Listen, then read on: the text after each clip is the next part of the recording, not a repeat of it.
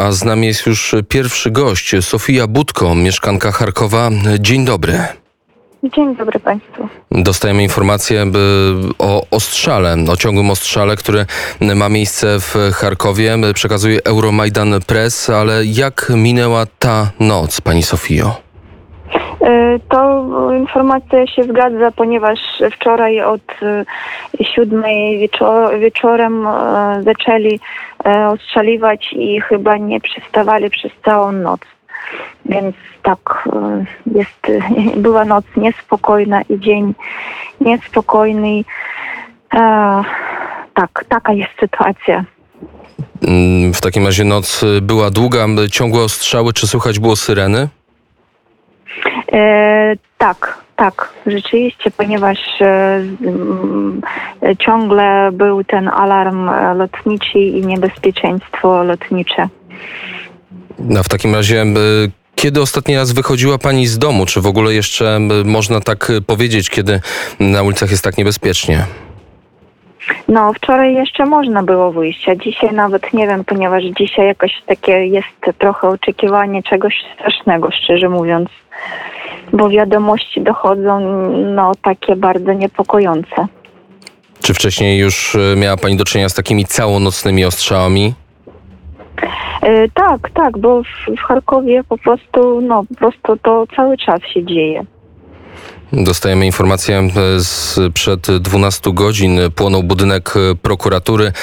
W stronę miasta lecą wrogie śmigłowce. Czy widać, czy słychać te śmigłowce nad głowami?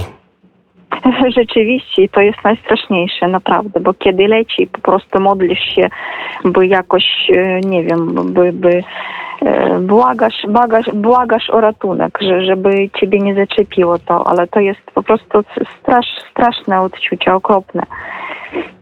Nie wiadomo, jak się zachować, kiedy słyszy się ten e, dźwięk. A cofnijmy się może jeszcze do wczoraj. Jak wczoraj wyglądały ulice Charkowa? Czy widać żołnierzy? E, tak, tak, rzeczywiście widać i, i, i są i bronią, e, więc no. Takie. Rozumiem, że rosyjskich żołnierzy nie widać. Nie, nie, nie, nie, nie. rosyjskich nie, tylko naszych. W takim razie czego się można spodziewać po dzisiejszym dniu, skoro noc była tak niespokojna? O, nawet nie wiemy tego, nawet nie wiemy. Po prostu modlimy się, spodziewamy się najlepsze, że, że wszystko, że będziemy żywi, że będziemy zdrowi, a tam jak Pan Bóg da. Czy dużo osób zostało w Charkowie? Ja myślę, że tak. Dużo wyjechało, ale jeszcze, jeszcze e, więcej zostaje tutaj. A jak rozmawia Pani z sąsiadami, ze znajomymi, to co jest najczęstszym tematem rozmów?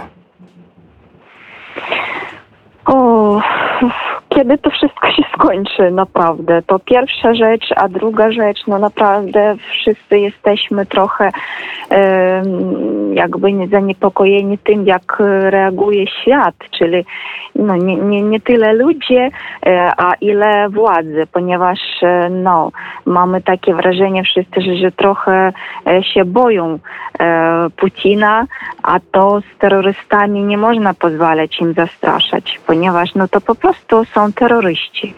Ma pani na myśli pani Sofio, Sofia Budko, mieszkanka Charkowa, jest z nami przy telefonie. Ma pani na myśli tą reakcję NATO i świata zachodniego o niezamykaniu nieba nad Ukrainą? Tak, tak, tak, rzeczywiście, ponieważ no teraz cierpią.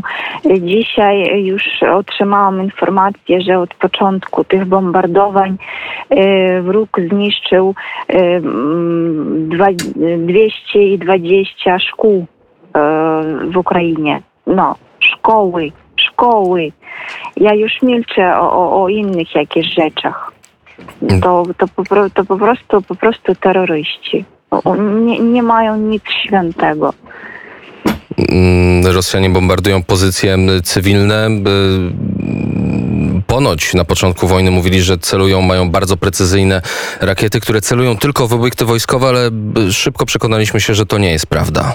Nie, to, je, to, jest, e, to, to jest takie cyniczne kłamstwo, absolutnie cynicznie, całkowicie, ponieważ oni bardzo dobrze wiedzą, gdzie oni strzelają i, i no, terroryści po prostu. I ja obawiam się, że może świat nie do końca rozumie, że, że no, że to dotyczy teraz wszystkich, ponieważ jeżeli oni mogą terroryzować Ukrainę, no to a gdzie gwarancje, że, że, że tam, nie wiem, przez dwa tygodnie nie zaczną terroryzować inne kraje?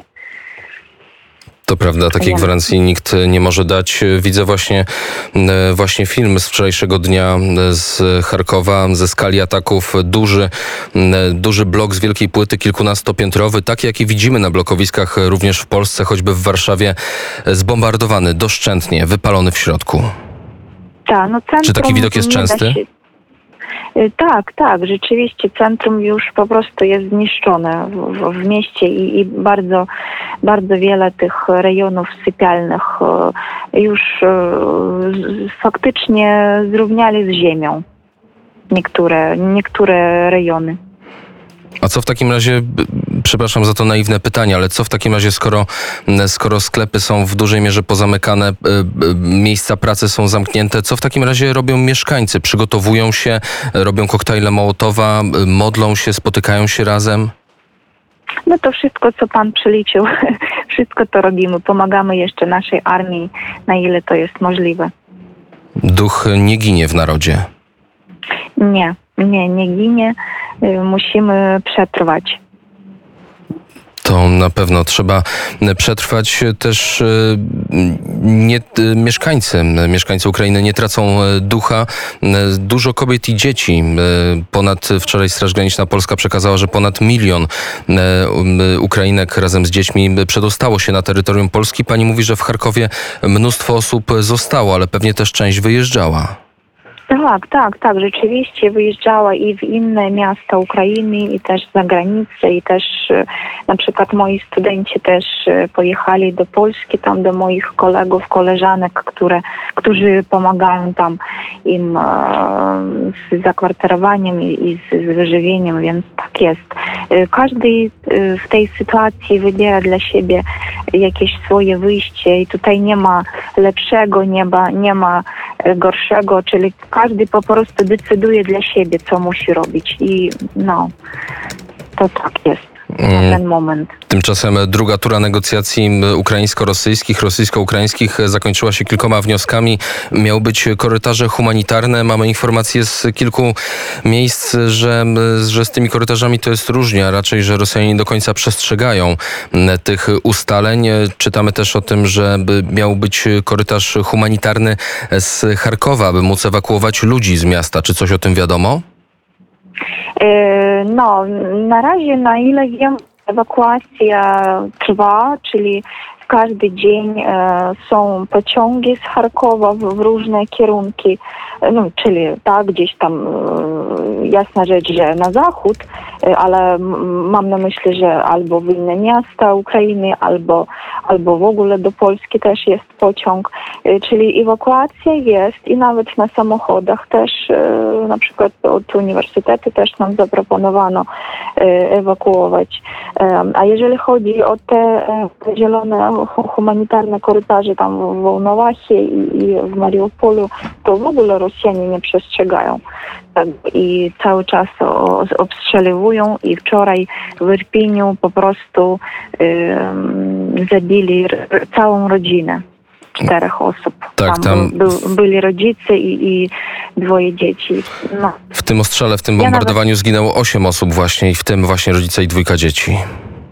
Tak, tak, tak. Ja, ja po prostu ja nie wiem, jak to wszystko komentować, ponieważ ponieważ to jest, e, no już po raz, po raz kolejny powiem tak, że, że to jest ludobójstwo Ukraińców.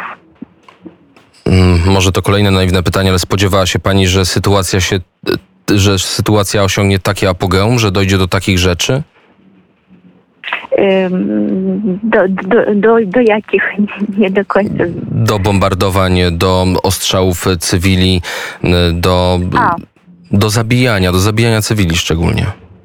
E, No, ja nie wiem, ja nie wiem jak tutaj odpowiedzieć, ponieważ wszyscy do końca jakoś nie spodziewaliśmy, że będzie ta wojna, ale bardzo dobrze wszyscy rozumiemy, co to takie Rosja, kto to tacy Rosjanie i co oni mogą robić, ponieważ już 8 lat trwa nasza wojna na, na Donbasie, w obwodach donieckim i lugańskim i, i e, widzimy i, i wiemy, co tam się e, dzieje i, i jak e, też terroryzują mieszkańców, E, więc no, To prawda, tylko E, tam w okopach nie- głównie giną żołnierze, ginęli żołnierze, a tutaj po prostu są zbrodnie na cywilach.